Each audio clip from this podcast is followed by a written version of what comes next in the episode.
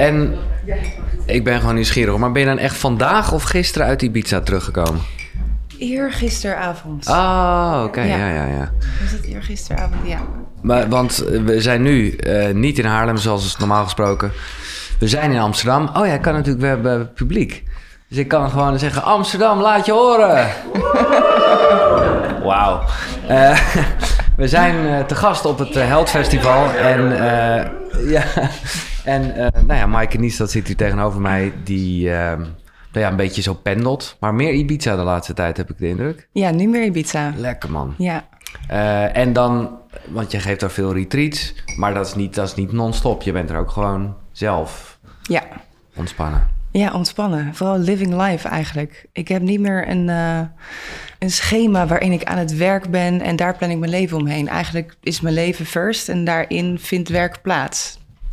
En eh, ja, veel Ibiza. Maar ik doe het eigenlijk op gevoel. Dus waar wil ik zijn? Ik kijk nu een beetje per maand van wat voelt fijn. En dat denk ik dat ik nu nog even op Ibiza blijf. De zomer neigt Amsterdam toch ook wel weer. Festivalletjes hier, de boten op de grachten. Maar wat jij zegt, en ik, ik snap eh, dat jij gezegend bent met werk wat je misschien sowieso niet heel erg werk kan noemen. Maar toch, het is wel werk. Laten, en, en, en ik ben heel benieuwd hoe je dat dan zo lekker laat flowen. Want ehm, nou ja, ik zit zelf in een heel mooi, bijzonder jaar. Waarbij ik heel erg ook aan het reizen ben met Floor, mijn vriendin. Nu ben ik wel even hier. eh, en, en ben ik, ja, nou ja, ik zou het ook geen werk willen noemen. Maar ik kan me slecht voorstellen dat ik, nou ja, eh, dat ook nog gedurende mijn reis doe. Ik, eh, hoe gaat dat in je hoofd? Want er zit, er is best wel verschil. Ja, het is voor mij meebewegen met de flow. Ik denk dat dat voor vrouwen sowieso wel makkelijker gaat dan voor mannen hoor. Wij zijn natuurlijk meer bij design eigenlijk gemaakt om mee te bewegen met flow, met stroom. Net niet gezegd hebben dat mannen dat niet kunnen. Maar hoe ik dat doe, ja. ehm, ik ben eigenlijk door de jaren heen gaan kijken welke aspecten van werk voelen voor mij als werk. En die meteen gaan uitbesteden. Eigenlijk bij elk onderdeel van ondernemerschap ben ik gaan kijken, kan iemand anders dat doen? Vind ik het echt heel erg leuk om te doen? Ben ik er ook nog heel erg goed in? Als het niet allebei ja is, dan heeft iemand anders dat te doen. En dan ben ik heel blij als iemand dat voor me wil overnemen.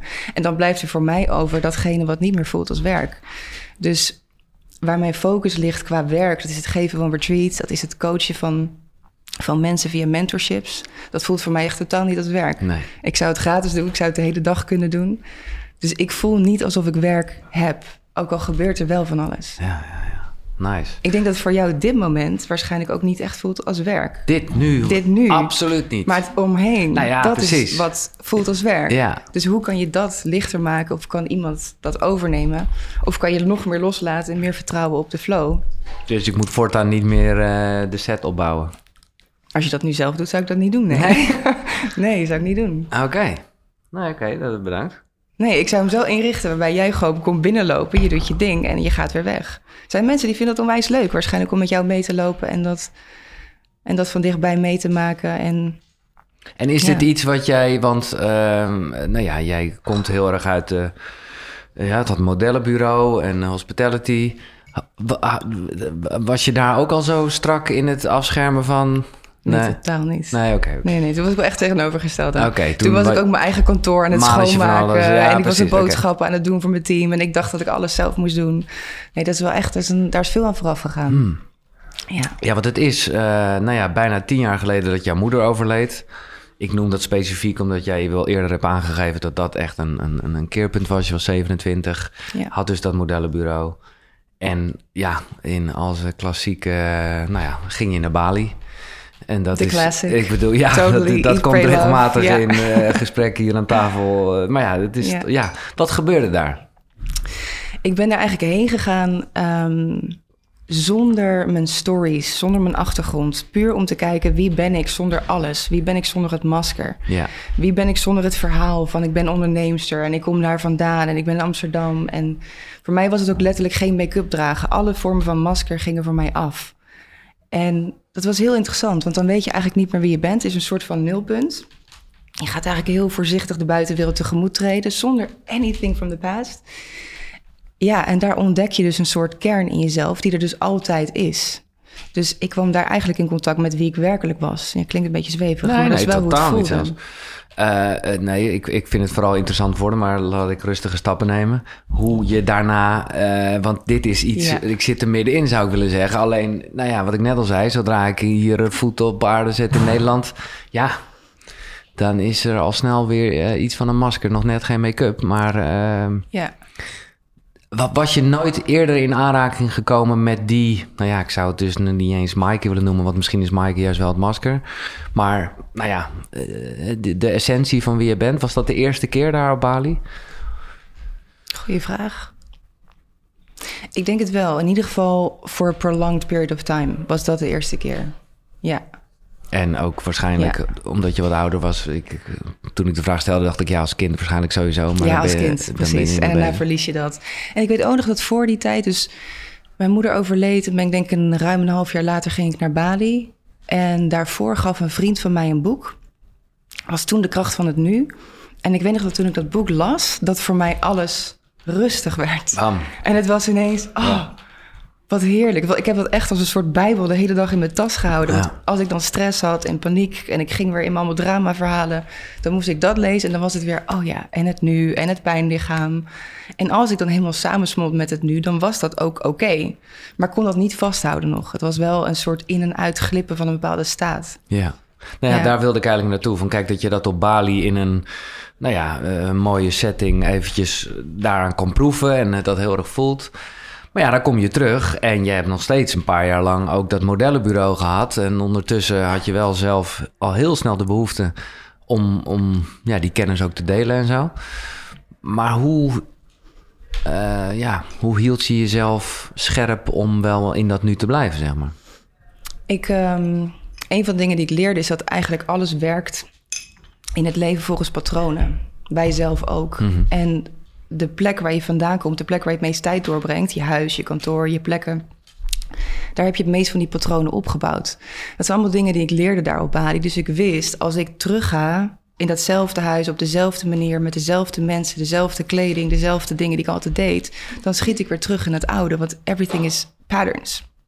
Dus ik ben eigenlijk heel bewust teruggegaan met... I'm gonna break some shit up. I'm gonna break some patterns. Dus ik ben heel veel patronen eigenlijk gaan doorbreken. Dus ik kwam terug raw vegan. Terwijl ik daarvoor eigenlijk alles at en deed. En alcohol dronk en drugs gebruikte Ja. op feesten. En het was ineens raw vegan, clean, geen alcohol, eh, mediteren. Ehm, ik maakte geen plannen meer. Dus mijn agenda hield ik vrij. Waar die daarvoor altijd vol, volgepland was met vrienden. En die op maandag en die op dinsdag. En daar Heb je was ook echt met vrienden gebroken? Zonder dat je ja, dat- eigenlijk wel. Het was een beetje indirect. Maar Ja. ik heb toen tegen vrienden gezegd van... joh, dat riedeltje, dat ga ik niet meer doen. Want mijn agenda zit vol. En jou zie ik op dinsdag. En dan moesten we weer de agenda's. Van en iedereen was altijd druk. En eh, ik zat daarmee. En iemand in Bali die zei van... maar daar kan je toch anders mee omgaan? Ik zei, nou, ik zie echt geen weg hieruit. Ik zei, I love all those people. En hoe dan? En hij zei tegen mij, zo simpel. Je laat gewoon iedereen weten dat op donderdagavond je huis open is. En als ze willen komen, komen ze op donderdag. En verder is jouw agenda leeg. Als ze op donderdag willen komen, komen ze op donderdag. Als ze niet, komen ze niet. Ja. Dat is eigenlijk een hele natuurlijke schifting die er dan plaatsvindt. Van wie er dan komen op donderdag. Dus eigenlijk zijn er daarmee wel wat vriendschappen weggevallen. Dat gaf heel veel ruimte. En ik denk ook als een vriendschap dan wegvalt, dan vertelt Dan je wat over de vriendschap. Ja, ja. Ja. En, en want als jij dat zo zegt, dan denk ik ook... oh ja, ik moet ook verhuizen. Want dat is dan... eh, Mm. heb- ja, Hoeft niet. nee, dat niet. Je kan, Maar je kan wel gewoon je meubels omgooien. Ja, Ja, je kan wel gewoon de kleine details aanwisselen. En gewoon, ik ben echt letterlijk alles om gaan gooien. Dus dat doet al heel veel. ja, ja. maar dan heb je relatief, als ik dit zo hoor... nog best wel lang het eh, modellenbureau erbij gedaan. Ja, nog wel twee, drie jaar of zo. Het moeilijk om los te laten. Ja. Ja. Is niet zo makkelijk, hè, het oude loslaten. Nee, nee, nee. Zeker als je er al zo lang aan gebouwd hebt. En je denkt, oh, en ik heb allemaal dromen en plannen. En ik dacht, dit bedrijf op pensioen. En ik ga die branche veranderen. En ik ga de markt veranderen. Ja, laat maar los. ja. Nee, maar goed, dat gaat dan in etappes. Dat, eh, Ja. En hoe, ja, dat is wat gek misschien om van jezelf te zeggen, maar dat vind ik gewoon mooi maar, en ook bijzonder aan jouw verhaal. Dat je dus al best wel snel, eh, nadat je zelf, nou ja, dat, dat verlichtende moment op Bali had gehad, hoe je het ook wil zeggen, eh, zelf een retreat begon. Hè? Mm. Eerst eh, de, de, was jij niet zozeer de, de, de, degene die dan coacht of zo. Maar je, je, je was wel de initiator. De, Ja, ja, van waar die behoefte om, om gelijk... ja. Aard van het beestje, sowieso. Ik denk dat heeft, heb jij waarschijnlijk toch ook als je iets heel moois meemaakt. Ja, dan, ja. Dan wil je dat meteen delen met de wereld. En dan bel je je beste vrienden op of je geliefde zegt... Oh, schat, Ja. dit moet je ook. Toch? Het is een soort... Qua inner circle zeker, maar dit... eh, ik vond het heel moeilijk om überhaupt eh, er openbaar eh, gesprek over te voeren. Hmm. Omdat ik wel gewoon ook dacht van... Oeh, dit is, vind ik heel mooi en bijzonder. Eh, Wil nou je ja. het dan een beetje bij jezelf houden? Nou zo? ja, ik vond het, vond het wel spannend. Eh, laat staan dat ik eh, gewoon op de barricade ging staan en op Facebook ging zetten... jongens, ik ga gewoon wat organiseren. Dus dat, dat vind ik gewoon wel vet. Maar jij zegt dat zit gewoon sowieso in jou. Ja, er, kwam, er gebeurde iets op Bali. Ik herinnerde me een levensmissie. Waar ik daarvoor eigenlijk niet echt wist dat we, dat we die hebben in het leven. Nou, die herinnerde ik me van, oh ja, ik ben letterlijk beelden, visioenen dat je naar aarde gaat en je ziet je familie daar en je maakt de keus to jump. Eh, dus er werd daar een missie duidelijk. En wat, is, wat was, eh, was die missie dan? Ik zou het kort kunnen zeggen: het verhogen van het collectief bewustzijn. Ja. Over meer liefde brengen op de wereld. Bijdragen aan de shift die, we, die plaatsvindt en die we eigenlijk allemaal voeden dat die aan het plaatsvinden is. En om daar een rol in te spelen. En die was duidelijk. En ik zat natuurlijk met mijn modellenbureau. En ik was toen nog heel erg bezig met hoe kan ik de beste werkgever zijn? En hoe kan ik zorgen dat die modellen stralen van binnenuit? Ja. Dus hoe kan ik zorgen dat hun inner beauty klopt? Want daar ging het me eigenlijk om. Nou, vanuit daar is ook Inner Beauty Retreat ontstaan. Ja, dat heeft ja, alles ja. met het modellenbureau te maken gehad. Oh. Dus ik dacht eigenlijk, ik ga een retreat geven voor mijn modellen. En toen vertelde ik dit verhaal Ah, aan een zakenrelatie. Ik zeg, ik ga een retreat geven. En ik was er niet uitgesproken. En hij zegt, count me in. Ja. Ik kom mee. en ik dacht, wacht, maar jij bent niet echt helemaal doelgroep. Maar ik denk, oké, trust, trust, trust. Losgelaten. Dus ik hing op en ik zei tegen mijn collega, shit, maar hij wil mee. Eh, moet ik dat dan doen? Ze zei, ja, natuurlijk. Ik zeg, oké, het is dus niet voor modellen. En toen ben ik eigenlijk alleen maar de stroom gaan volgen. Fantastisch. En een van de teachers die zei toen van, ja, dan, ja, wat moet ik dan nu doen? Ik dacht, ja, hoe moet ik dit nou aanpakken? Hij zei, zet gewoon een video op Facebook, vertel je verhaal. Vind je niet eng, toch? Ik zei, nee. ik dacht echt, shit, wat heb ik nou gedaan?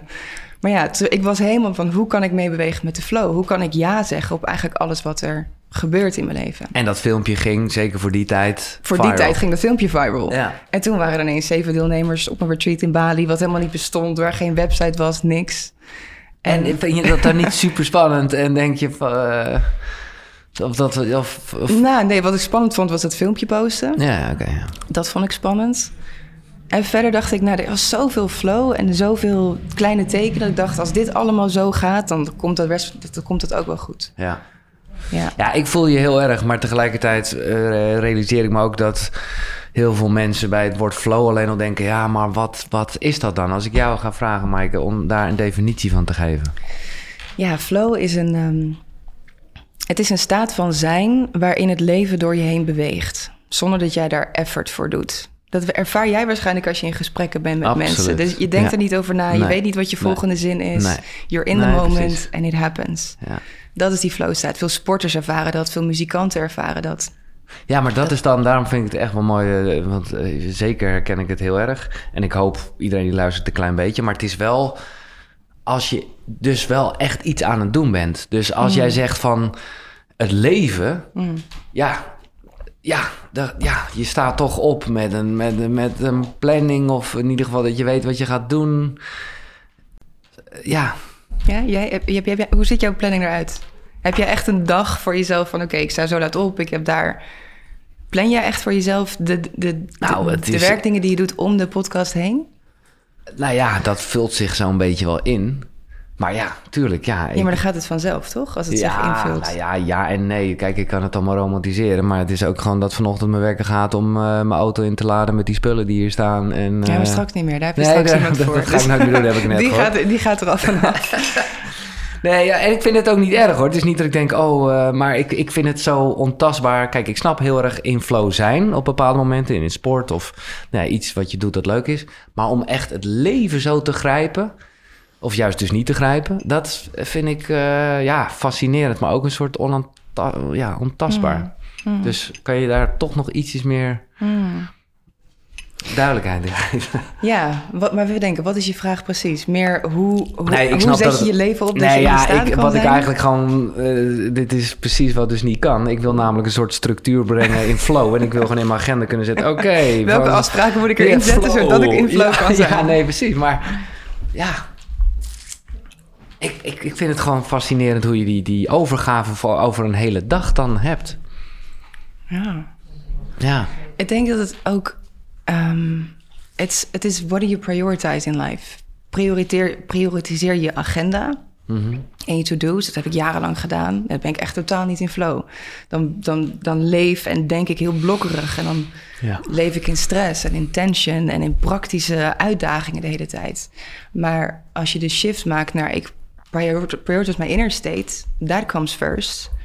En dan zie ik dus, oh ja, ik zou niet die spullen inladen in mijn auto, want dat, dat klopt niet voor mij. Ik zou net als als ik jou was alleen maar in die gesprekken willen zitten. Dus dan ga ik dat zo inrichten zodat ik dat kan doen. Jij bent nu in de flow staat. En als je straks niet het dan hoeft op te ruimen, dan blijf je in de flow Ja. staat. En dan komt er een nieuw stuk inspiratie. Dat schrijf je op of je belt iemand op vanuit die inspiratie. En zo blijf je in die staat en verleng je die staat. Dus het is ook niet meer de dingen doen die je eruit halen. En dan gaat het eigenlijk best wel vanzelf. Ja. Maar dan moet je wel het lef hebben om nee te zeggen tegen al die dingen waarvan je zelf denkt dat je ze moet doen. Dat laatste eh, is het hem. Maar ik word er helemaal wild van hoe je dan gewoon de hele dag kan blijven vliegen. Om het zo maar te zeggen. Eh, maar zijn er nog momenten dat jij er toch even uitgehaald kan worden en denkt: Oh, nu ben ik toch eh, iets aan het doen wat men van mij verwacht of wat ik zelf vind dat ik moet doen? Ja, tuurlijk. Ja, oké. Tuurlijk, blijf wel mens hoor. Ja.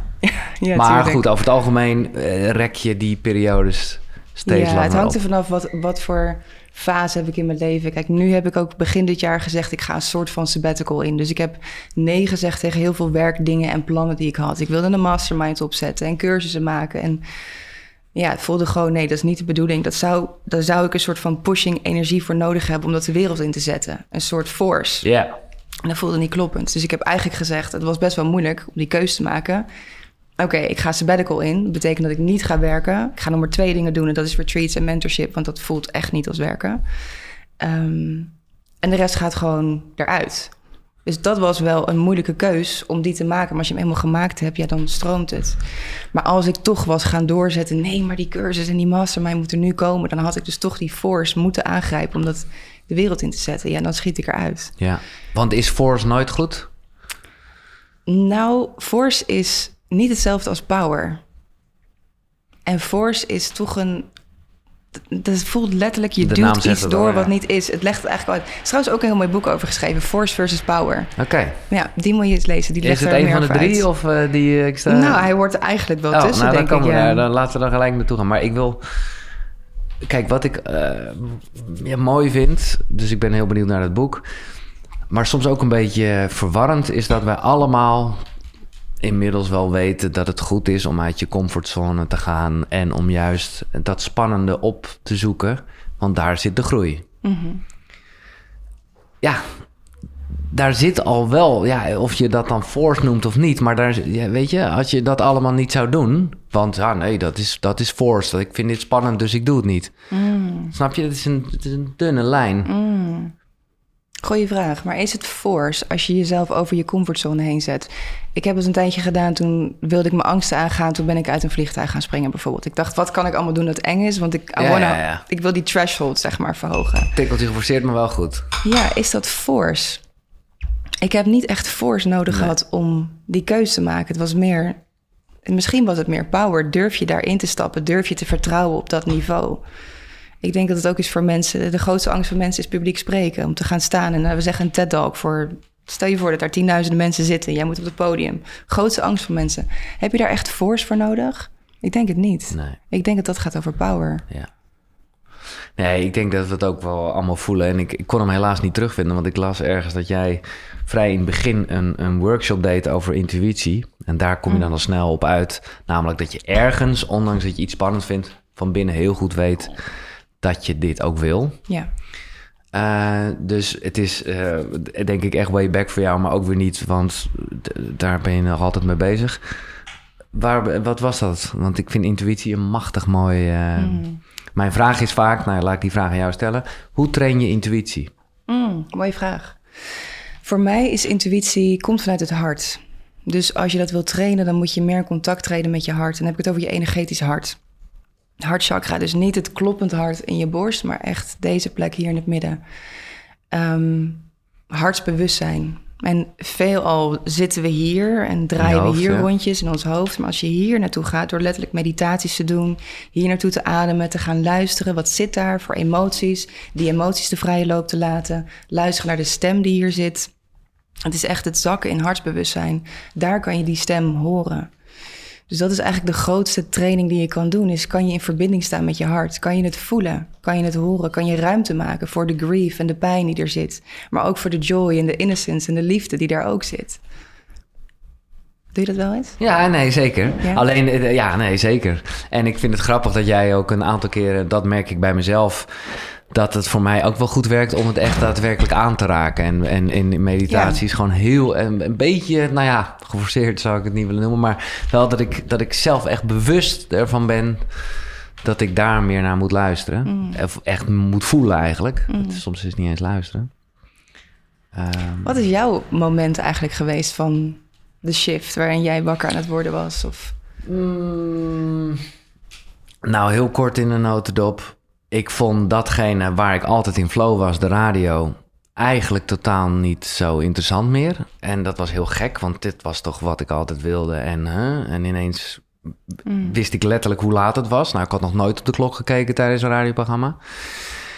En dat, ja, dat was heel, dat was mijn leven. Dat was wie ik was. Ehm, en toen wist ik ook wel dat blowen, nou niet, eh, ik bedoel dat verzachtte het, maar het was niet dat het nou eh, het ging oplossen. En toen had ik het geluk dat ik bij mezelf een buikje zag en dus ging sporten.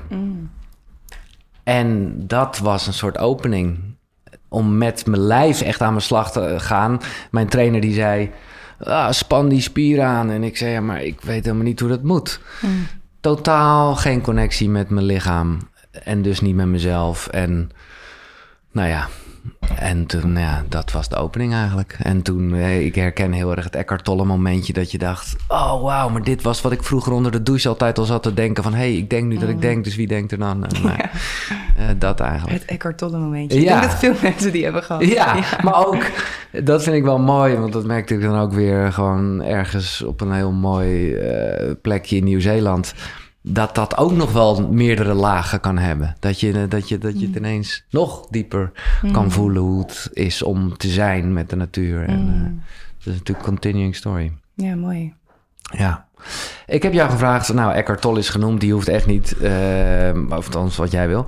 Maar welke drie boeken belangrijk zijn geweest in de reis eh, van jou als persoon waar je nu eh, hier staat? Ja, nou die Eckhart Tolle die is toch wel belangrijk, Ja. want dat was wel echt de start. Ja. Dat was wel eh, de eerste. Dus ik En welke heb je het dan over de power of now, de kracht van het ja, nu? de kracht van het nu. Ik kreeg hem toen andere- van een vriend. Het was, volgens mij was het de kracht van het nu in de praktijk. Het was een heel klein Ja, boekje. ja, ja. Een heel lief klein boekje. Ik heb hem echt wel 50 keer gekocht en iedereen cadeau gedaan. Ja, nou, er is Ja. ook misschien dat je die bedoelt. Daar kwam ik pas recent achter. Dat er ook een soort, ja, het is misschien een soort rip-off, maar het is een boekje met allemaal quotes eruit. Dus het is zeker niet het Oh, boek, ja. maar en die vond, dat was top. Als je het boek al wel gelezen hebt, voor de duidelijkheid. Maar, Ja, volgens mij was het kleine hoofdstukjes. Ja, ja, dat is volgens mij, ik heb van mensen gehoord die vonden, vonden de kracht van het nu heel moeilijk om te lezen. Dat weet ik niet. Die heb ik verder niet gelezen. Maar alleen dat kleine boekje. Ik denk dat het een soort makkelijkere variant Ja, is. ja. Of iets dergelijks. Oké, dat is duidelijk. Dat is eh, de eerste. Ja, ehm, nou, Power versus Force, ook een boek wat ik in die tijd heb gelezen. Dus hij hoort er denk ik wel bij, want het heeft me wel echt inzicht gegeven in het verschil tussen die krachten, tussen die energieën. Een boek wat ik later ben gaan lezen toen ik mensen mijn verhaal vertelde, zei ze: Wauw, heb jij de Surrender Experiment gelezen? Ah, Die moet je lezen, want het Michael lijkt op jouw verhaal, ja, maar ja, dan ja. Nou, in als- het kwadraat. Ja, nou, dat is wel, als we het hebben over hoe leef je flow en... eh, ja, wauw. Ja. Dus die heeft me gewoon echt een bevestiging gegeven. Ja, ja. Van, oh ja, dus dat is wat ik aan het doen ben geweest. En ik kan hem eigenlijk nog veel verder trekken. Als ik een beetje lef heb, dan kan ik hem echt helemaal de sluis openzetten en gewoon loslaten en vertrouwen. Ja, dus die. En ehm, een recent boek wat ik heb gelezen, wat ik echt fantastisch vond, was eh, De Duivel te slim af zijn. Oh, die eh, is nieuw voor mij. Napoleon Hill. Fantastisch Oh, boek. Het is een eh, Napoleon Hill, maar net Ja. even een andere. Ja, ja. De duivel te slim af zijn. Ja. En waar, waar, waar gaat het boek over? Wat is de... gaat eigenlijk over. eh, het is eigenlijk een interview, een gesprek met de duivel, wat hij op een gegeven moment heeft. Hmm. En de duivel geeft dus eigenlijk zijn geheime prijs, hoe hij werkt en hoe hij mensen in zijn greep houdt. Natuurlijk door angst, maar welke methodieken gebruikt hij om mensen in zijn, in zijn greep te houden?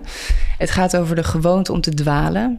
Ehm, dat eigenlijk de meeste mensen, ten tijde van het schrijven was het 98% waren dwalers, dwalende zielen, die dus eigenlijk niet het gebrek, wat, wat dwalers hebben, is een gebrek aan doelgerichtheid. Dus ze weten niet waar ze naartoe op weg zijn in het leven. Dus het is grappig, want je moet die natuurlijk balanceren dan met de surrender experiment. Ja, hè? Dus ja, ja, nee, hoe geef je over en heb je toch doelgerichtheid? Exact, En ja, hoe mooi. vervolgens dat? Ehm, ja, dus het gaat heel erg over doelgerichtheid en, ehm, en overgave. Maar wel heel bewust zijn wat je aan het creëren bent. Ja, en dat heel veel mensen dat niet zijn. En dat ze daardoor dus ja, in de greep komen van angsten en verhalen. En, en ook hoe hij bezit neemt van mensen hun brein. Vond ik ook een heel mooi stuk. Er staat letterlijk in het boek... If you don't occupy the spaces in your own brain... dan komt de duivel daar naar binnen. En dan vult hij dat op met gedachten, negatieve gedachten, negatieve stemmen. Zo, who's inside? En kan jij daar volledig aanwezig zijn? Vet. Nee, ik dacht dat ik het gehele voor ongeveer wel gelezen had van Napoleon Hill. Maar Oh ja, dit, echt? eh, ja, heel veel. eh, en echt, nou ja, ik heb dat vaak genoeg Leuk. in een podcast gezegd. Echt de, de, de, de 17 punten die ik nog steeds een soort mantra in, mijn Mm. in mijn hoofd heb. En dit klinkt een beetje als, eh, je hebt de, de walls met het gesprek met God. Dit is het gesprek Oh, met ja. de duivel Nou, dus. klopt, ja. Vet. Ja, het is echt een vet boek. Ja. Het is echt een, eh, ja, gewoon leuk om te lezen. Ja. En, en eh, als het gaat over wat je net zegt van oké, eh, de, de duivel vult de plekken die jij niet hebt, ge- waar, je, waar je niet mee bezig bent. Kan jij dan, of ben jij heel bewust van wat jouw persoonlijke angsten of trauma's of blinde vlekken, of hoe je het ook wil noemen? ja, denk het wel. Ja? Ja, door, ik- door de jaren heen, als je er natuurlijk werk op doet, dan word je wel bewust van, van wat er leeft. En hoe zou je dat, als ik dat nu eh, aan jou vraag, wat, wat, wat is dat dan? Wat mijn angsten zijn. Ja? Ehm, even kijken. Ik denk dat een van de, van de topics waar ik meest mee kan struggelen... Het hangt er vanaf waar ik zit in het leven. Maar waar ik nu mee aan het werken ben, is het, is het onderwerp liefde. Kan ik daar volledig in overgave zijn? Kan ik daar alle controle loslaten? Eh, ik denk dat je steeds zeg maar, een thema hebt in je leven... waar je het meest mee aan het werken bent. Nou, die controle loslaten op werkgebied, dat lukt wel. Ja. En ik ben er nu mee aan het werken om dat op liefde te doen. Dus daar kan ik ook angst in tegenkomen. Is het slim wat ik aan het doen ben? Klopt het wel? Moet ik links? Moet ik rechts? Kan ik, moet ik niet toch iets meer controleren? Moet ik toch niet iets meer logica gebruiken? Want dat ken je, dat is veilig. Ja. Nou, toch elke keer weer kiezen voor nee. Ik kies voor de overgave. Ik kies voor not knowing. En ja, het echt eh, het loslaten. Vrij recent, of thans misschien is het niet vrij recent, maar vrij recent dat jij deelde in ieder geval eh, op social media, zoals dat dan gaat tegenwoordig, eh, is een eh, nou, best lange relatie voorbij gegaan. Ja. Wat, ja, ja, kijk, vanaf een afstand voelt dat, eh, want ik ken jouw ex ook goed, die is ook de gast geweest in Koekeroe, Dennis van Miltenburg, een hele, nou ja, bezig met holistische toestanden, echt hele rustige gast. Nou ja, het, het lijkt een match made in heaven, maar dat is natuurlijk altijd van een afstand. Ehm, ja, en als het privé wordt, moet je het zeggen, Mike. Maar ik ben gewoon, ik, ik- ja, wat, wat, wat, wat ging er mis? Oeh, confronterende vraag. Wat ging er mis? Ik denk dat er twee dingen misgingen. Ik denk, eh, sowieso is er een liefde in mijn leven geweest die ik nooit helemaal heb kunnen loslaten. Dat is een soort liefde die nooit heeft kunnen zijn.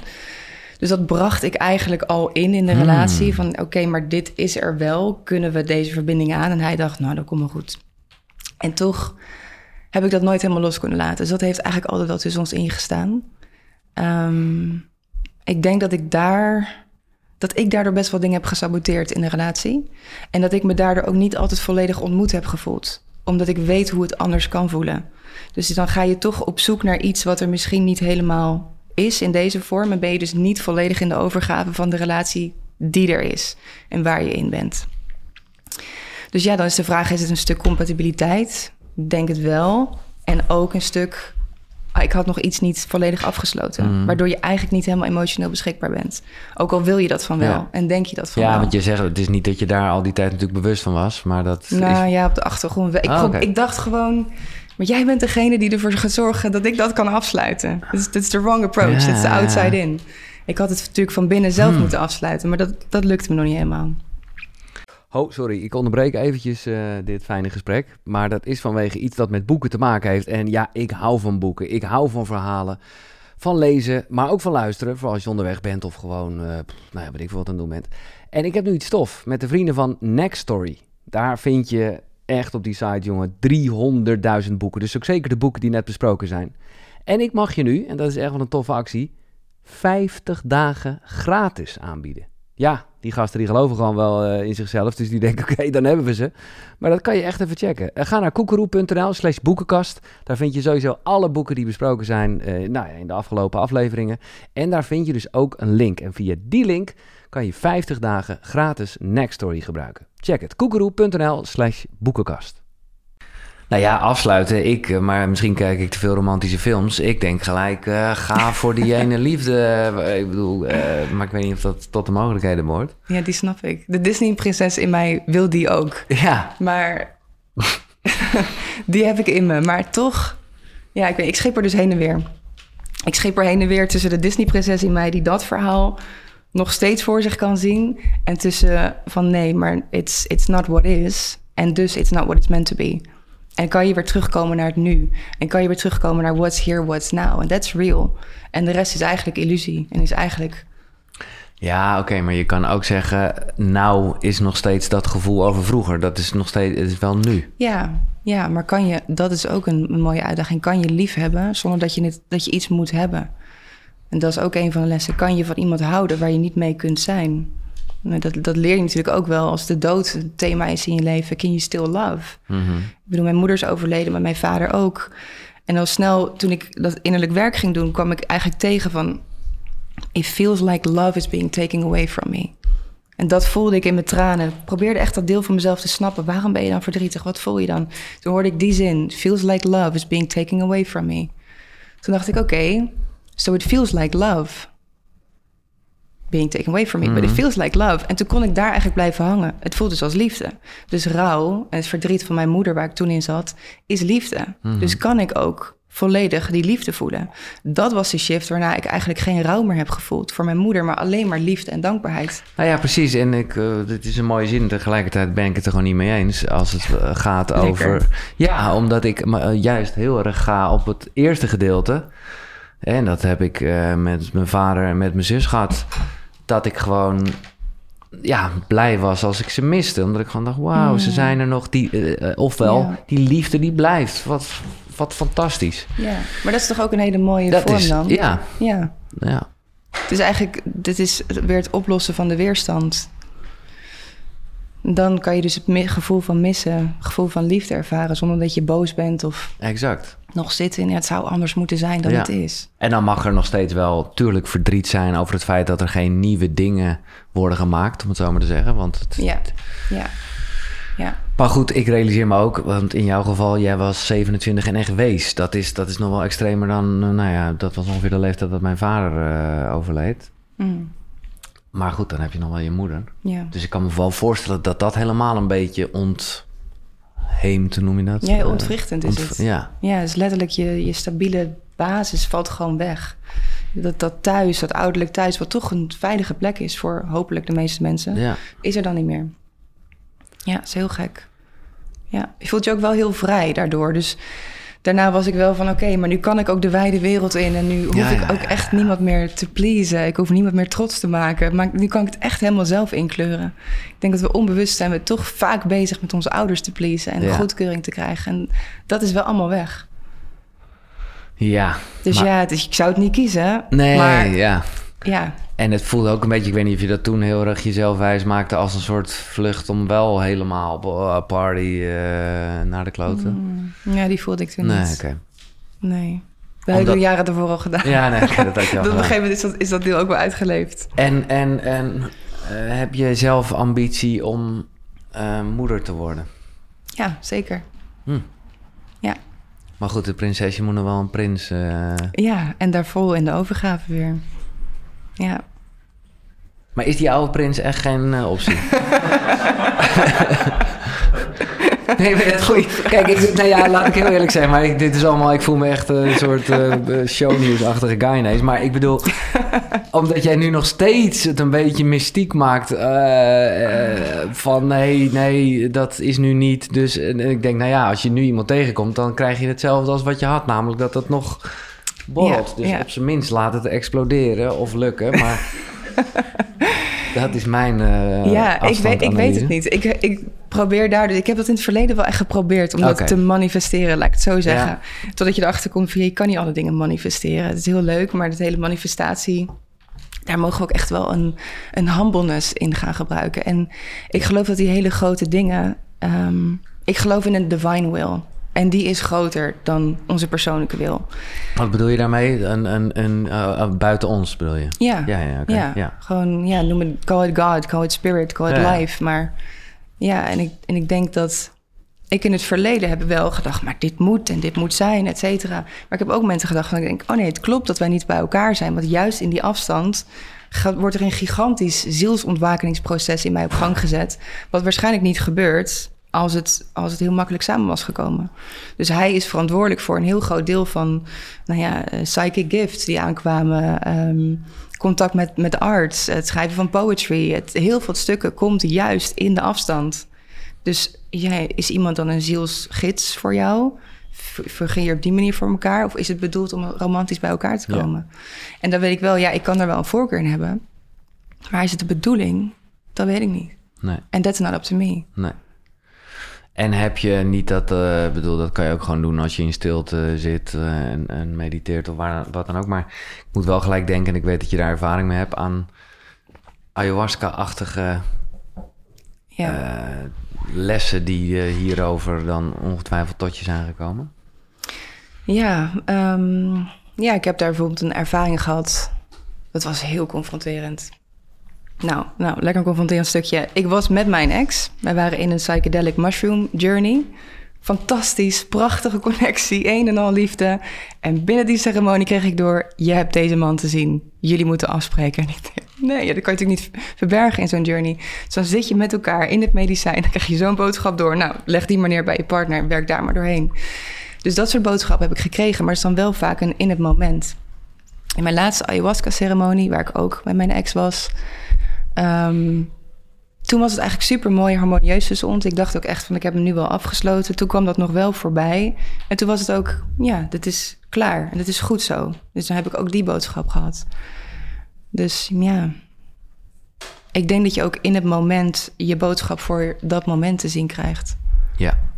Maar we kunnen niet helemaal heel ver van het. Het is volgens mij ook niet de bedoeling dat we over vijf stappen te zien krijgen waar we naartoe gaan. Maar dat je, als je in het moment wil blijven, dan heb je alleen maar die eerste twee stappen voor je te zien. Ja. Nee, Anne, en als zou je het wel zien, dan is er nog helemaal niet dat je dat kan integreren of kan leven of kan snappen. Nee. Of, uh, ja. ja. ja. Doe jij dat soort dingen trouwens? Nou, ik heb het één keer gedaan. Ja. En het heeft mij heel veel gebracht. Uh, omdat ik ja, het, het is altijd moeilijk uitleggen. Maar omdat ik me eens heel erg bewust was van het feit dat dat kleine jongetje, dat ik dat ook nog steeds was. En dat dat mm. in me zat. En uh, ja, sinds dat moment, als ik er nu aan denk, voel ik me letterlijk weer, ja, echt ook echt, nou dat is natuurlijk niet zo, maar echt groter. Omdat ik gewoon denk, oh ja, mm. daar kan ik voor staan. En uh, ik heb echt daar ook contact mee gemaakt. En, en ja, dat was top. Even los van het feit dat je ineens, uh, zeker uh, in de eerste dagen daarna, eventjes het gevoel hebt dat je heel de wereld snapt. Mm. En uh, nou ja, voordat we met de opname begonnen, hadden we het over het feit dat jij nu wel vlees at en zo.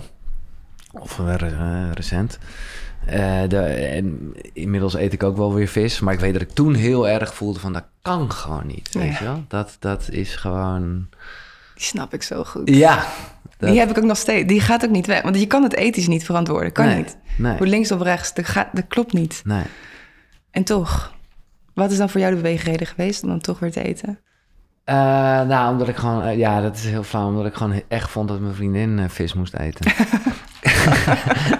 en ik dacht, ja, nee, hij vond het ook wel makkelijk. En we gingen naar Japan. En het is echt pas sinds dit jaar eigenlijk. Ah, ja. En ik dacht ook, ja, Japan, godsamme. Ja. Dit is gewoon Ja, snap het het. land van de vis, ja. Ja, ik snap het.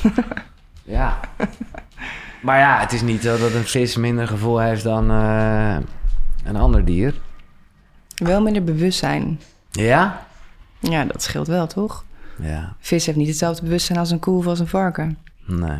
Maar ik heb toch ook niet de illusie dat ze in volledige harmonie... eh, Nee, totaal niet. Het Nee. is verschrikkelijk wat er gebeurt. Ja, ik ben het met je eens. Maar oké, dit vind ik leuk, eh, omdat we er alle twee een beetje ongemakkelijk van worden. Maar hoe Ja. eh, hou jij jezelf rustig? Op dat gebied? Ja, want je kan jezelf Ja. ook helemaal gek maken. Dan ben je nog verder van huis. Want dus ja, dat- ja. ja. dat heeft niet zoveel zin. Nee. I, I always say a little prayer. Ja, als. Ik, als ik vlees eet of als ik vis eet. En vlees is echt heel sporadisch. Vis wel wat vaker nu. I always say a little prayer. Ik zorg dat ik het altijd bewust doe. Dat als ik het kan, wil ik het alleen maar biologisch eten. Van een goede plek waarvan ik weet in ieder geval het leven wat ze gehad hebben. Dat is mooi geweest. ja. Ehm, ja, en ik denk dat, dat het bewustzijn, dus ja, wees je bewust van het feit dat een dier niet vrijwillig zijn leven heeft gegeven en dat jij mag voortbouwen, letterlijk op het leven van een ander. Ik denk als je daar heel veel bewustzijn en reverence voor kan hebben, dat is het minste wat je kan doen. Ja. Eh, ja, en koop het alsjeblieft niet bij de supermarkt een kiloknaller. Uh, het liefst niet, maar Nee. tegelijkertijd ook, ja, het is ook een deel. Je kan je niet niet schuldig maken aan dingen in het leven. Nee, exact. Ik eh, moet even denken aan een eh TEDx-talk die jij jaren geleden deed... waarbij de eerste wel gewoon... Ik weet hem niet helemaal meer, maar ik weet dat het... Nou ja, egoïsme is niet... de, maar dat is een beetje nu mijn korte de vertaling. Maar in ieder geval kies voor jezelf. Mm, ja, ja. En ja, Ja. Op, die, op die manier zou je het ook nog wel een soort van goed kunnen praten. Ja, de- en toch vind ik die lastig. Ik weet niet meer wat ik toen heb gezegd, maar... Ja, geloof vul jezelf steeds- of zo, zei jij toen. Wat zei je? Vul jezelf of zo. Oh ja. ja. Ja, ja, je voelt, ik heb er nog steeds moeite mee. Ja. Het is nog steeds een, een, een, een trigger point. Ehm, hoe ga je daar nou echt mee om? Ja. Ik denk dat, wel, dat, dat we ons wel echt bewust hebben te zijn van, van onze omgeving en de impact die we hebben op onze omgeving. Als we meer liefde willen in de wereld, als we een collectief bewustzijn willen verhogen, dan moet je ook bewust zijn van de sporen die je naleidt van, van wat je doet. Eigenlijk van al je acties. Ja. En is dat hetgene wat je wil nalaten? Ja, het gaat uiteindelijk over harmonie. En wat is, wat is harmonie? En vind je dat we in een goede tijd zitten? Ik denk het wel. In die zin dat er onwijs veel change is. Ja. ja, we gaan wel een goede kant op. Hoewel aan de andere kant de wereld aan het afsterven en het afbrokkelen is. Dat zien we ook. Maar ehm, de verandering die die goede kant op wordt ingezet... ik denk dat die niet, ges- niet gestopt kan worden. En niet gestopt gaat worden. Dus ik ben wel heel hoopvol over, over de toekomst waar we heen gaan. Ook al is er heel veel geweld om ons heen... wat, eh, ja, wat het een andere kant op probeert laten te gaan. Je hebt daar best, en ik vond dat, eh, nou, vond het ook gedurfd en, en, en bijzonder. Best ook in andere gesprekken. Nou ja, eh, hoe noem je jezelf? Eh of althans, ik weet niet of je jezelf zo noemde, maar conspiracy realist. Hmm. In plaats van dat het een theorie is. En, en, en dan liet je daar wat dingen over vallen, over een elite en families. En eh, ik, ik word dan gelijk altijd heel kriegelig en denk... oh nee, daar wil ik me niet mee bezighouden. Wat een beetje struisvogel is, maar toch. Hmm. Hoe, eh, ja... Eh, wat, nou ja, laat ik de eerste vraag stellen. Wie is de elite? Goeie vraag. Ehm, ja, hoe diep wil je dat, dat we hier naartoe gaan? Gaat, uh, hoppa. Hoe diep dat ze rabbit hole go? Ja, precies. Weet je, ja. ja. Sowieso om je andere vraag te beantwoorden. Ik, ik denk dat het een fase is. Ik ben daarin gedoken, in een fase. Because I really wanted to know certain things. Dan ga je graven, dan ga je zoeken. Dan kom je inderdaad bij families. Nou, iedereen kan die families wel vinden, de Rothschilds. En als je gaat googlen... ehm, als je dieper gaat... Het is eigenlijk follow the money. Ja. Je wil de, de geldstromen gaan volgen. Wat is, wie heeft eigenlijk wat in handen? Wie heeft de media in handen? Wie heeft de gezondheidszorg in handen? Hoe wordt het bankensysteem geregeld? Wat is de, wat is de main bank? Wat, wie zit daarboven? Nou, dan kan je zien dat een aantal families eigenlijk veel in handen hebben in de wereld. Maar ik vraag me wel af hoe relevant het nog voor ons is om ons daar nog heel erg mee bezig te houden. Hmm. Ik denk dat het een fase is dat je even bewust mag zijn van het feit dat er tegenwerkende krachten zijn. Laten we zeggen tegenwerkende krachten van liefde, tegenwerkende krachten van unity. Maar dat je er niet te lang in moet blijven hangen. En ik denk dat ik dat ook heb gedaan. Dat ik een van diegenen was die daar net iets te lang in is blijven hangen. Maar ook in het collectief. Dat ook de, de strijders er misschien net iets te lang in zijn blijven hangen. En dat je het gewoon even mag aanraken. En dan door mag en mag gaan bouwen aan het nieuwe. Ja. Want Wa- alles en- wat je. Ja, sorry. Het is namelijk een energie van strijd. Als je hierin gaat verdiepen, dan word je woest, je wordt boos. Als je beelden ziet van kindermisbruik, je kan niet anders dan een strijdenergie voelen. Maar dat, die energie is juist niet voedend voor de wereld waar we naartoe willen. Dus wees je bewust van oké, wat er is, maar don't feed it and feed the new. Dus wees bezig met ja, de wereld die we aan het creëren zijn. Waar gaan we naartoe? In plaats van waar komen we vandaan? Ja. Of wat is nu? Dus dat is net met eh, als onze eigen kleine of grote probleempjes en trauma's gebruiken het eigenlijk als eh, een springplank naar iets positiefs. Ja, Of het nou, of, nou ja, niet zozeer of het waar is of niet, maar hoe het ook in elkaar zit. ja, ja. Het is misschien allemaal wel nodig om eh, Ja. ja, meer licht te krijgen. Ja, en ook die details. En je, dan, je kan je verzanden in, maar wat is waar? Is dit waar? Dit detail, Ja. dat? It's a loop. It's another matrix that you can get stuck in. En daar wil je juist uit. Dus je weet, oké, er kloppen bepaalde dingen niet. We weten, ik denk dat de mensen die naar podcast luisteren weten iets rondom dat coronabeleid. Iets klopt niet helemaal rondom dat verhaal. Oké, great. What, what do we know? Wat, wat weten we wel? We weten dat we een gezond lichaam moeten creëren. We weten dat we niet afhankelijk kunnen zijn van een overheidsapparaat. We weten bepaalde dingen. Dus hoe kan je jouw leven creëren en dat van de mensen om je heen, zodat je vrij bent eigenlijk van die invloeden? Ja. Nou ja, en, en dat vond ik, ik bedoel, het is niet dat je daar eh, heel ongenuanceerd over bent geweest. Namelijk altijd wel dat mensen in principe het goede proberen te doen. Mm, Ja, eh, ja. en dan ben ik wel benieuwd hoe jij kijkt. Want ik weet tegenwoordig eigenlijk niet meer echt of het nou of een compliment of een scheldwoord is. Ik word, en, en vanaf een afstand in mijn bus in Nieuw-Zeeland vond ik het allemaal nog gekker om te aanvaarden als ik dan toch even mijn telefoon erbij pakte. Hoe kijk jij tegen iets dat, eh, nou ja, wat mensen woke noemen? Mm. Ja. Ehm, de woke-beweging is een beetje I know more than you, right? Ik weet meer dan je. Er zit eigenlijk een, een soort elitair en su- superieur iets in. Het creëert eigenlijk juist weer een afstand. Daar waar we dat niet willen. Dus ik heb die term nooit gebruikt. Oh, I'm woke. If I'm woke, does it mean you're not? Precies. Ja. Dus voor mij is dat niet heel bijdragend aan... Nee, maar dat is een mooie willen. essentie die je hier precies... en daar gaat het voor mij ook om dat het... en nogmaals, ook hierin ga ik weer uit van de beste bedoelingen van mensen. Dus dan is het heel erg inclusief... Ja, maar tegelijkertijd ga je mensen uitsluiten die niet inclusief genoeg zijn. Wat dus... ja. Exactly. en ik denk dus dat we kunnen kijken naar dat soort zaken als de elite of waar je dan ook naar wil kijken. Macro is micro en micro is macro. Dus als jij buiten jezelf elite waarneemt, superioriteit waarneemt, discriminatie waarneemt, waar zit dat in jezelf? Mhm. En heel veel mensen zien dus niet dat het in zichzelf zit. En dat ze letterlijk in die valkuil stappen, fighting the thing, or at least ja. thinking they're fighting the thing they're fighting against, maar actually being that. Ja, En dat is de valkuil. ja. Nee, dat is, dat is inderdaad... eh, dat is natuurlijk weer fighting for peace. Ja, Dat kan dus niet. ja. Eh, even gewoon eh, wat ontspannender. Gewoon terug naar een dag helemaal in de flow van Mike in die stad. Mijn vraag is altijd, wat is jouw ochtendroutine? Heb je een ochtendroutine? Niet meer, als in... eh, ik heb eigenlijk al jaren niet meer een ochtendroutine... waarbij ik mezelf zeg, dit is wat ik doe. Ik heb dat een tijd gedaan, van oké, dan doe ik yoga, mediteren... en een workout en een juice. En ik heb dat losgelaten van ik moet dat doen... of ik heb bepaald dat ik dat doe. De ene dag wel, de andere dag niet. Dus ja, dat hangt echt af van de dag. Waar ben ik? Met wie ben ik? Maar als ik hem helemaal vrij kan invullen...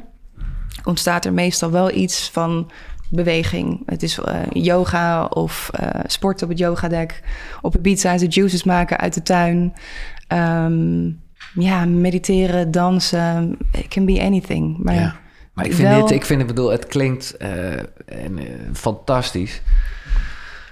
Alleen, ja, het is zo, ik vind het zo, eh, want op het moment, ik was er eerst, had ik echt een hele, nou ja, doctrine zou het kunnen noemen, maar Ja, ook ja. een fijne houvast en bam, bam, bam. Heeft me heel veel gebracht, echt heel veel. Maar ik voelde ook wel aan alles van, hey, echt chill is het natuurlijk niet. Eh, dus, dus probeer dat echt wat meer in flow te laten zijn. Maar ja, het gevaar is dan wel dat juist op die momenten dat je er even niet lekker in zit, dat je het dan dus niet doet. Mm, Dus ik ben toch wel weer wat meer voor mezelf in ieder geval terug naar de Terug naar de doctrine van eventjes eh, over Ja. bepaalde dingen valt niet te onderhandelen. Ja, ja. En die begrijp en die is ook super mooi. Maar ik, wat ik eerder zei, van als je dus je, je inner state priority maakt, Mhm. dan Ja, dan ga je je vanuit hele daar. Ja, Ja, ja. dus wat ik wel, als ik niet mezelf een doctrine opleg, want dat voelt gewoon niet meer aligned, Nee. kan ik wel voelen, oh ja, wacht, ik heb nu emoties die ik wil verdoven of waar ik van weg wil lopen. Dan kan ik voelen, oké, wat heeft dit nu nodig? Heeft het journaling nodig? Heeft het dansen nodig? Heeft het yoga nodig of mediteren en zitten met wat daar aanwezig is? Maar dan, dan, laat ik, dan gebeurt het op die manier. In plaats van dat ik zeg, ik ga nu die practice doen en mijn emotionele staat moet maar daarin passen. Ja. Moet maar binnen die structuur passen. Ja. Dus Nou ja, ja, en jij hebt, dat is wat je aan het begin aan, eh, eigenlijk al aangaf. Dit, dat is gewoon ook jouw leven om, en dat zou ja, in een ideale situatie bij ons allemaal moeten zijn, dat we daarnaar aan het luisteren zijn. Hmm. In plaats van even een gepland momentje in de ochtend. En heb je s'avonds nog iets waarvan je toch denkt, nou, dat, dat doe ik altijd wel eventjes, wel of niet? Nee, s'avonds is er eigenlijk echt helemaal niks van de structuur. Nooit ook echt heel erg bewust gedaan. Nee. En, en hè, toen je terugkwam van Bali, eh, lekker radicaal, eh, nou ja, alles veranderd, waaronder ook eh, drank en misschien drugsgebruik. Is dat iets, ja, dit is toch wat, wat ik zou bijna zeggen, wat ook bij Ibiza hoort? Ja, niet bij mij in Ibiza. Nee. Het is er wel, maar Ja. het, is, het is bizar. In Ibiza zijn echt... Het is een heel mooi voorbeeld waar er dus die twee werelden tegelijkertijd zichtbaar zijn. In Amsterdam is het natuurlijk ook, Ja. maar in Ibiza is het contrast zoveel Ja. groter. Van echt inderdaad, ja, de, de dwalende zielen die van club naar club en holle ogen en zo over straat naar huis. Tot ja, de mensen die echt alleen maar thriving, high on life, breathing God every day. Het is een groot contrast daar. Maar nee, voor mij het clubleven. Hoewel, een vriend nodigde me uit om naar een club te gaan. Ik ga wel een keer met hem mee. Ik heb wel zin om dat nog een keer te doen.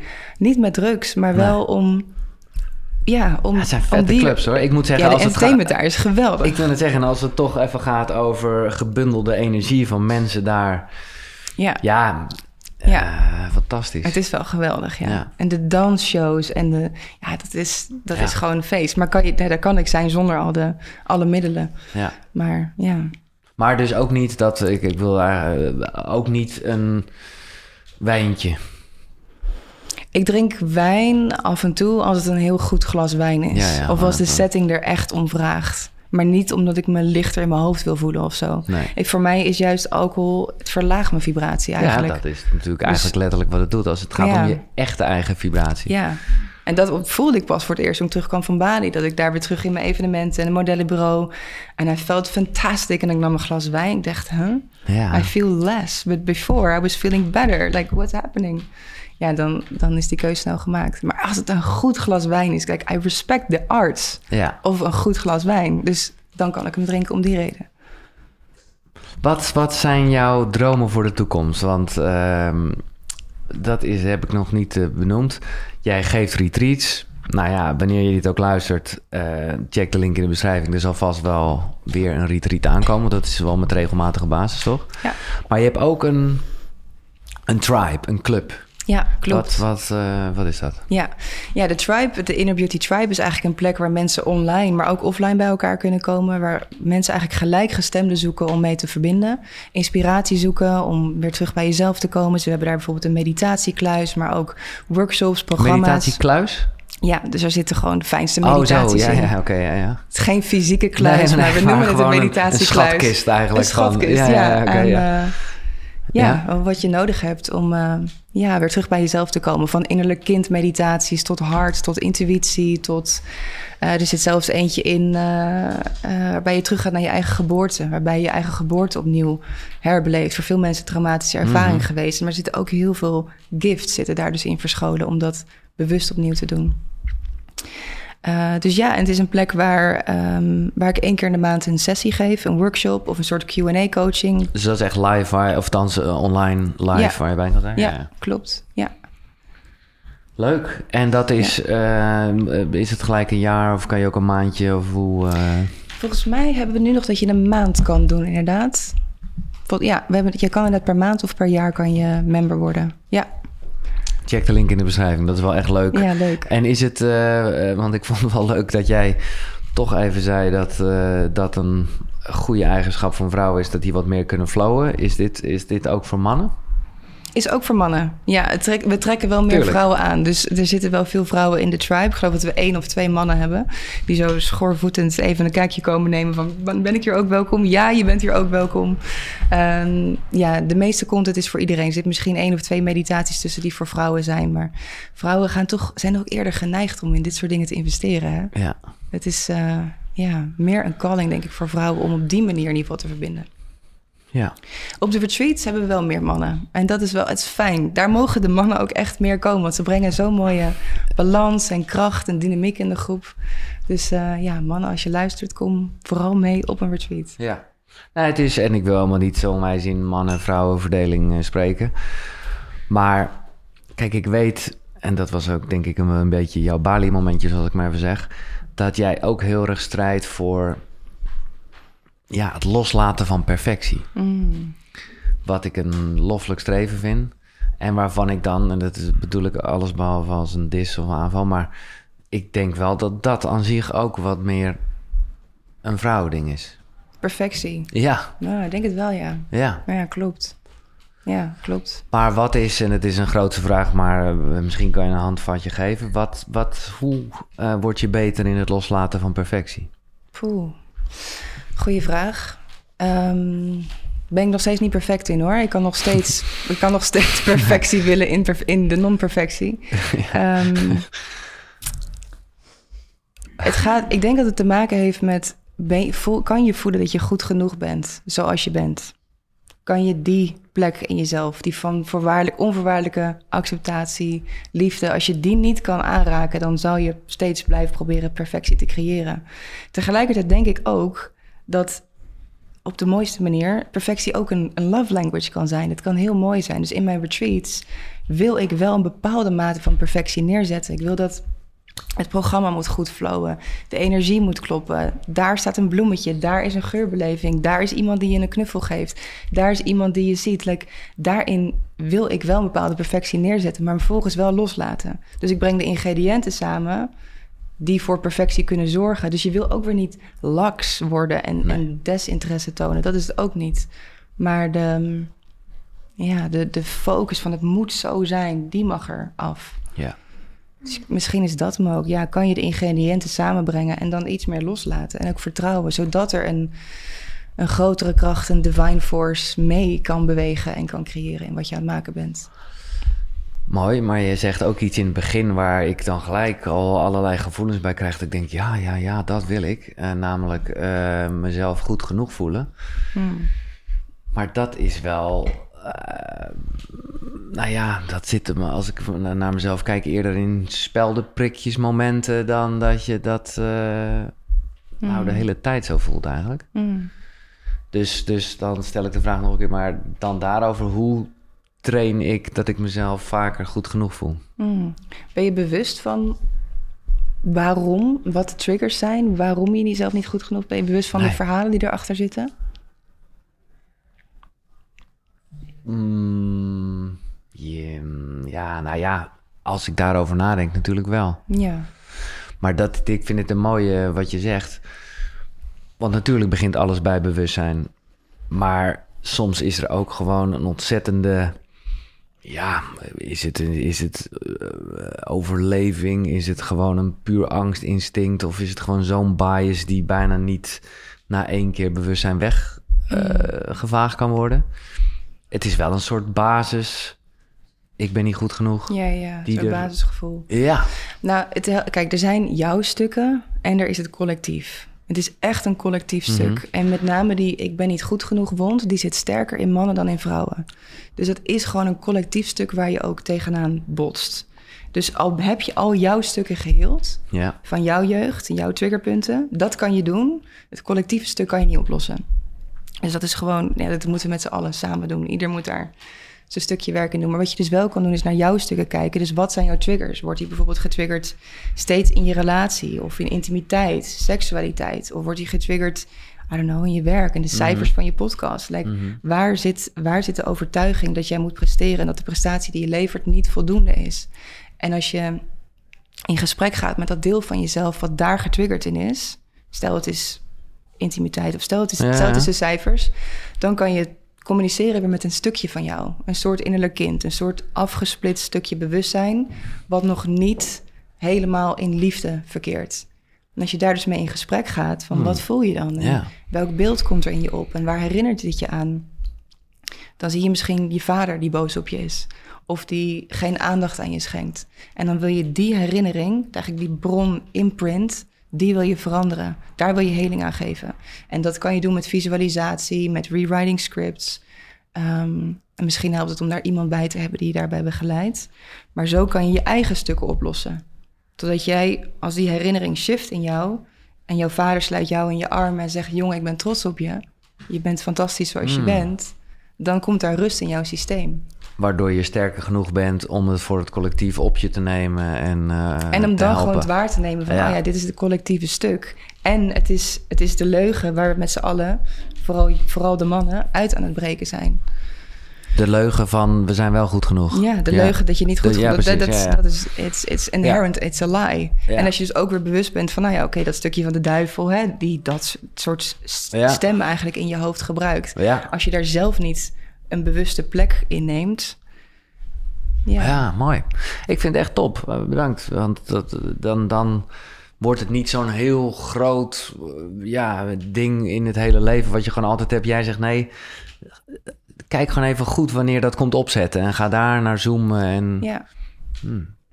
Zitten allemaal verhalen en programmeringen, wat, wat anderen hebben verteld en vergelijken. Of hoe je, ja, van je vrienden die je iets hebben geprogrammeerd, misschien in je jongere jaren, hoe je leerde in de puberteit over seksualiteit. Ja. Right? We hebben er allemaal zulke rare Man. ideeën over Ja, ontvangen. En dat is allemaal programmeringen die we aan hebben genomen. Van, oh, wacht, ik moet goed zijn, ik moet behoren tot, dus must fit these boxes, must act like this.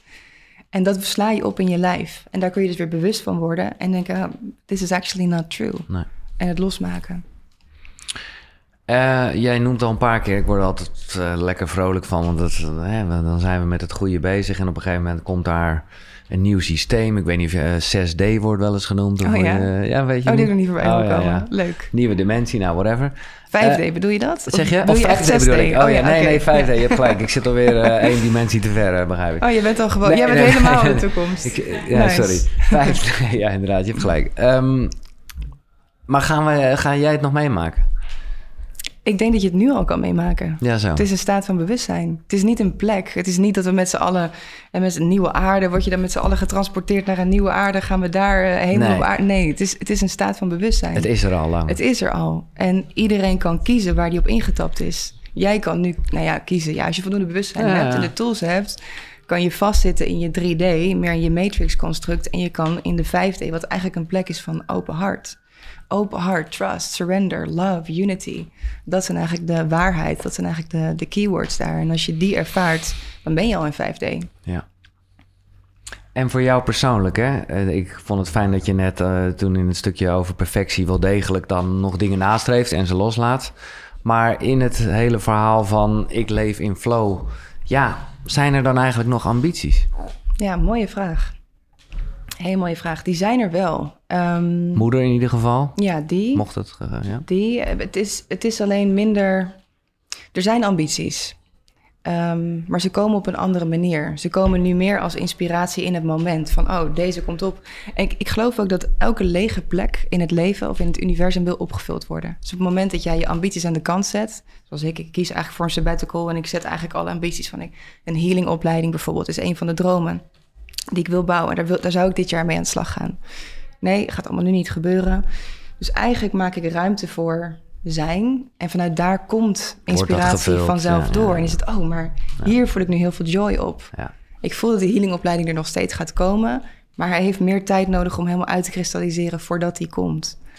En ehm, ja, heb jij ambities? Wat, ben jij ergens naartoe aan het werken? Of? Nee, nee, ik, eh, dit is zeer herkenbaar wat je zegt. En ik heb het dus heel erg ruimte gegeven wat ik doodeng vind. Eh. Maar ja, wat ik gewoon op een gegeven moment heb gezegd... zeker met betrekking tot mijn baantje, eh, de radio...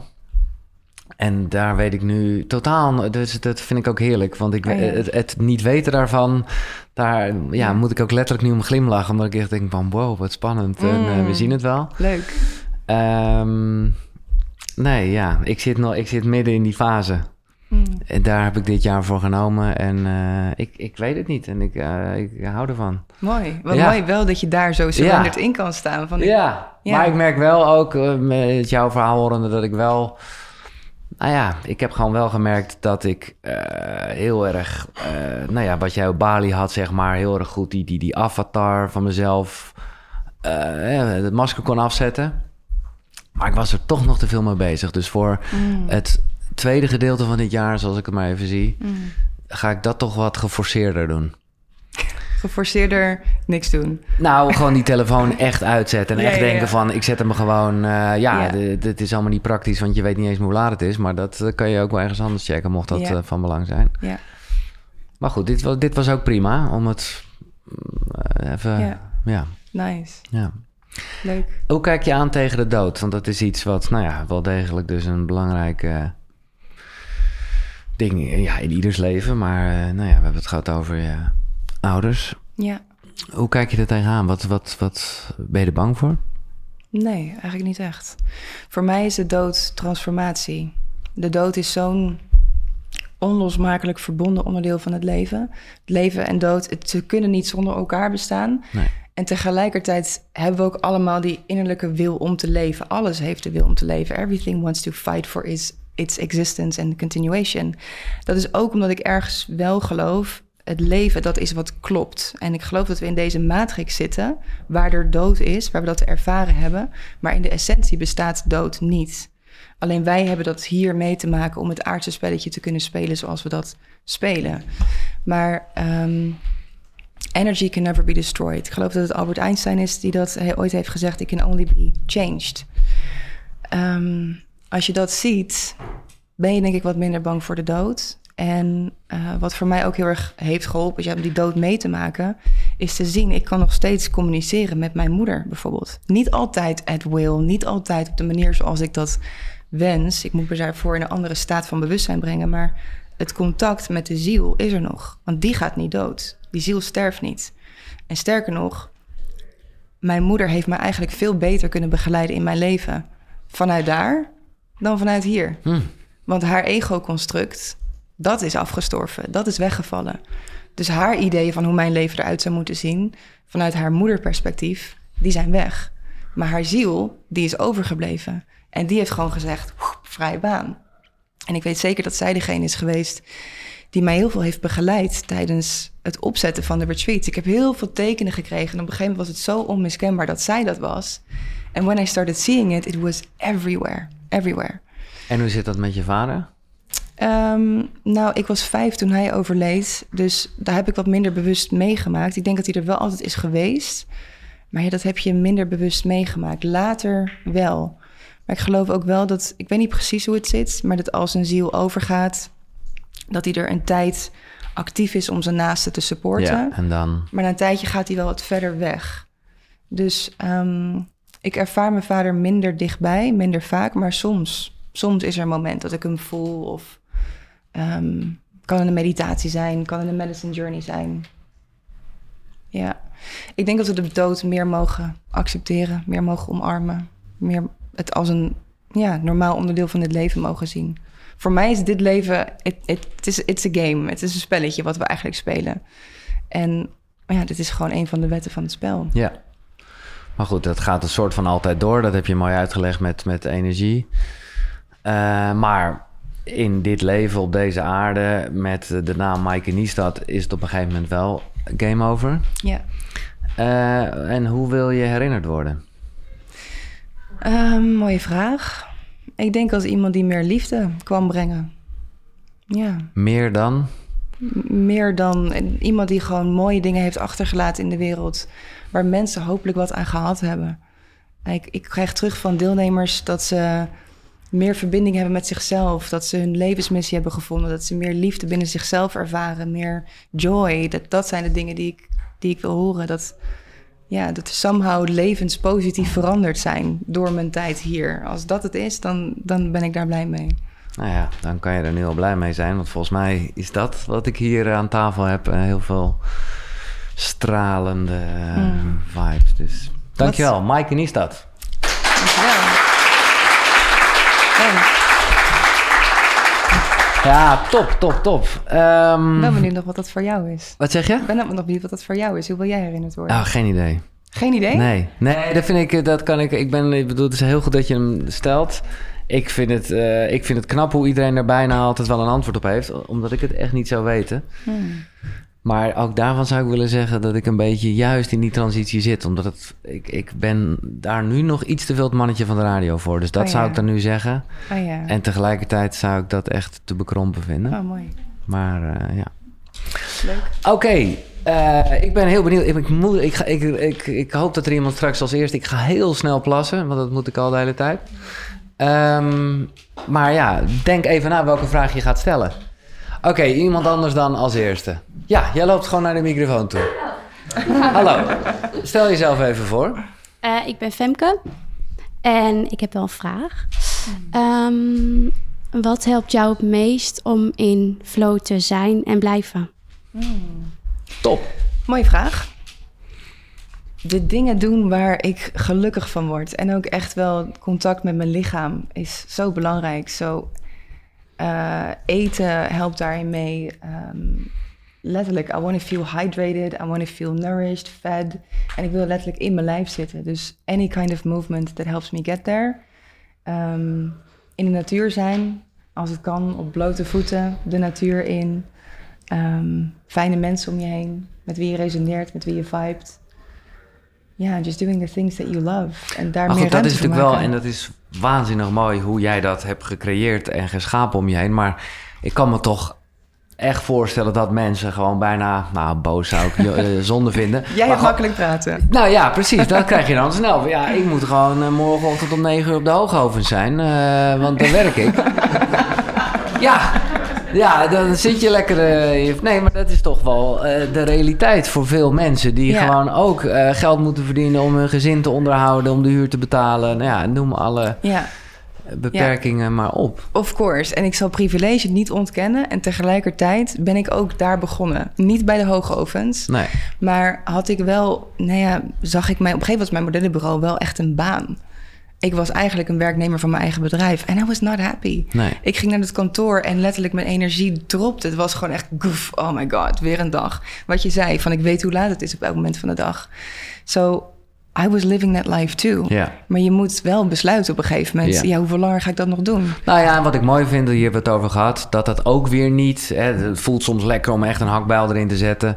En, en, en je leven vaarwel te zeggen wat je leidde. Maar nou ja, jij geeft ook aan dat je dat modellenbureau bijvoorbeeld langzaam afbouwde. En steeds meer ruimte liet voor nou ja, wat je wel dat fijne gevoel gaf. Dus dat Ja. kan ook wel in stapjes in ieder geval. Ja, ja, ja.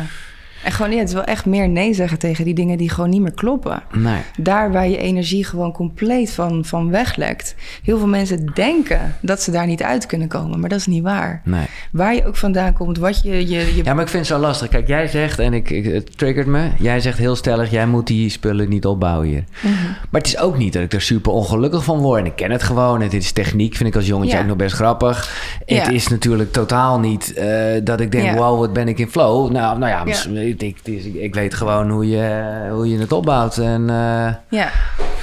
dus het is, oh, ja... ja, dus Kijk, als iets heel ongemakkelijk is, dan weet je gewoon... hé, hey, dit is echt niet goed. Auw, dit doet pijn. Dit vind ik gewoon niet leuk. Ja. Maar als iets... mwah, ja, ja, Ja. Maar ja, dat, dat, is, dat is dan wat je kiest. ja. Het verschil van, van ondernemers ook. De ondernemers die het oké doen en de ondernemers die het echt goed doen, is dat die laatste groep die permitteert zich dat moi, moi niet meer. Die zegt gewoon nee, moi. I'm here for greatness. Oké, dan. So I'm gonna be in that state. Bam. Nee, oké. Lekker. ja, dat geeft wel spirit. Ja, nee, top. Goeie vraag, dankjewel. Wil er iemand op eh, aanvullen of een andere vraag stellen? Of eh, laten we nog twee doen, jongens. Het is echt te lullig als ik nu een podcast heb waar geen drie vragen in zitten. Ja, top. Hallo. Ik heb wel een vraag. Eh, wie ben je? ik ben Daphne ehm, en je had het eerder over onvoorwaardelijke liefde. Maar hoe gaat dat dan eigenlijk samen, wat ik zelf soms last vind, met grenzen stellen? Want dan stel je toch eigenlijk ook een voorwaarde. Ja, hele mooie Onvoorwaardelijke vraag. liefde voor jezelf? Of nee, voor andere mensen. Ja, ja, oké. Ja. Ja. Ja, oké. Mooie vraag. Kan je een voorbeeld geven of wordt dat te kwetsbaar? Oeh, ehm, een, een familielid die verslaafd is. En eh, ik hou heel veel van diegene, maar ik vind dat ik zit nu in het proces van grenzen stellen. Want ik ben zelf over mijn eigen grenzen heel vaak heen gegaan. Ja. En eh, Ja. dat vind Ja, ik dan mooi. lastig. Ja, mooi. Ik zou mezelf in zo'n situatie de vraag stellen: wat zou liefde doen? Ja, En liefde is soms grenzen stellen. ja. En tegelijk ook voor die ander. En tegelijkertijd denk ik dat het met grenzen stellen belangrijk is dat een grens werkt pas eigenlijk echt als die door beide partijen is geaccepteerd. Dus op het moment dat wij een grens stellen van dit is mijn grens, jij mag hier niet over en jij hebt dat te accepteren, creëer je eigenlijk disconnectie. Maar op het moment dat je samen tot een grens komt, tot een consensus komt, dan is het een liefdevolle grens. Dus hoe kan je ergens komen waar jullie allebei voelen? Dus jij kan aangeven, je legt eigenlijk de ingrediënten op tafel van oké, dit is mijn behoefte, dit is mijn pijn. Wat zijn jouw behoeftes en wat is jouw pijn? Als je die vier ingrediënten op tafel legt, dan kun je kijken waar kunnen we elkaar ontmoeten. Kan jouw pijn, mijn pijn beperkt worden en jouw verlangen, mijn verlangen ontmoet worden. En daar is een grens die liefdevol is. Hmm. Dus ik hoop dat je die kunt vinden Ja. met jouw Mooi. familielid. Dankjewel. Ja. Ja, Jij bedankt. vraag. En eh, mooi eh, en ook fucking moeilijk onderwerp.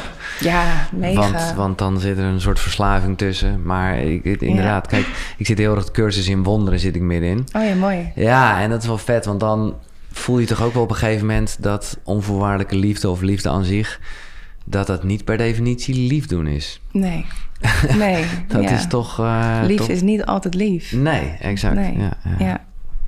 Oké, we doen er nog eentje. Dan hebben we drie vragen gehad. Ja, top. Stel jezelf even voor. En Hoi, dan... ik ben Gwen. Eh, ik heb even een vraag. Je hebt het, en dat gaat, haakt eigenlijk nog een beetje in op, op de vraag hiervoor. Of zeg maar degene daarvoor. Over die flow. Eh, ik ben nou ja, eigenlijk net een bedrijf begonnen. Dus bij mij, ja, hè, bepaalde dingen moeten gewoon gebeuren. Zoals Giel ook zegt, je moet huur betalen. eh, ehm, ja, je hebt gewoon bepaalde stappen die je, ja, waarvan ik voel, die moet ik zetten. Hoe, kom, hoe doe je dat in die flow, zeg maar, concreet? Mm. Ja. Daar ben ik, ja, wel, daar, daar loop ik zelf best wel tegen aan, merk ik. En ik denk, ja, Ja. ik vind het een heel mooi begrip. Ik denk dat ik er op momenten in zit. Maar concreet, ja. Hmm. Zou je daar iets meer over kunnen vertellen? Ja, dat is eigenlijk de superleuke vraag. vraag. Love de vraag. Ja. Wat, wat doe je? Kan je daar iets over zeggen? Ehm, ja, nou, ik heb heel lang eh, bij de jeugdbescherming gewerkt. Ehm, dat is vrij pittig. Dus eh, ik heb, eh, ben eigenlijk iets begonnen om opvoedhulp ja, voor een gemiddeld gezin, maar wel met de specialistische kennis. Oh, ik, moet, ik merk dat ik heel eventjes adem moet halen. Ehm, eh, ik merk dat eh, ja, heel veel gemiddelde gezinnen ook best iets kunnen hebben aan die kennis. Dus eh, vandaar dat ik eh, iets meer uit de heftigheid en iets meer. ja. Ja, Ja. Ja, ik zou twee dingen doen. Eén, ik zou eh, vooral inzetten op datgene waar je flow en energie van krijgt. Misschien is dat letterlijk het werken met de gezinnen of de kennis en specialisme wat je hebt. Je hebt daar een boodschap, je hebt iets te verkondigen, je hebt een kijk, je hebt een specialistische kijk op een probleem. Deel die op zoveel mogelijk manieren zoals je kan, want daar ligt waarschijnlijk je flow. Misschien kun je video's opnemen, kun je erover schrijven. En tweede is, ehm, werk samen met mensen. Ja. En in het begin van je bedrijf heb je waarschijnlijk niet de financiële middelen om iemand te betalen. Maar kan je wel ruilhandel met mensen doen. Dus oké, misschien moet er een website gemaakt worden. Of misschien moet je je financiën doen. En zijn dat de aspecten waar jij op leeg loopt? Mhm. Of iemand die, laten we zeggen, de content die jij maakt. Je wil eigenlijk iemand hebben die dat voor je op Instagram zet. Ik noem even wat. Mhm. Kan je een ruilhandel met iemand doen die jij weer support? Op die manier ben ik ook begonnen Oké, met... ja. Dat is mooi, hè? Ja. Ja. En vooral doe ook echt heel veel van je werk daar waar je enthousiast van wordt. Ja. Like, this is the thing I want to be doing. Ik ben op aarde gezet om dit ding Ja. te doen. Dus Ja. ik ga me daarop focussen. En die, die technische to-do's die er komen bij een bedrijf... ja, they need to happen too. Maar stap niet in de valkuil dat je je daarop gaat focussen. Want dan kom je niet vrij. Ja, Dus klopt. focus je Ja. echt op je, de essentie van je werk. Oké, ja, mooi. Dankjewel. Ja. Leuk, succes. Ja, Ja, mooi dat je doet. Ja, Ja. ja, ja. ja. Eh, wil er nog iemand, eh, het is niet dat het er maar, nog iemand een vraag stellen? Hij is niet gekomen, hè? was voor haar wel zendrijf. Oh, oké. Nee, het is, het is helemaal goed gekomen. En ik, ik vind het ook leuk dat iedereen daar een beetje blijft hangen. En als ik dan iemand anders hoor, dan realiseer ik me ook heel erg... eh, nou ja, ik vond het super tof wat jij erover zei, Mike. Maar dat je in het begin... Oh, dat je in het begin... En dat is dus nu, als ik het toch weer eventjes heb over het opbouwen van de set... Al lang niet meer. Maar jaren geleden als klein jongetje bij de radio...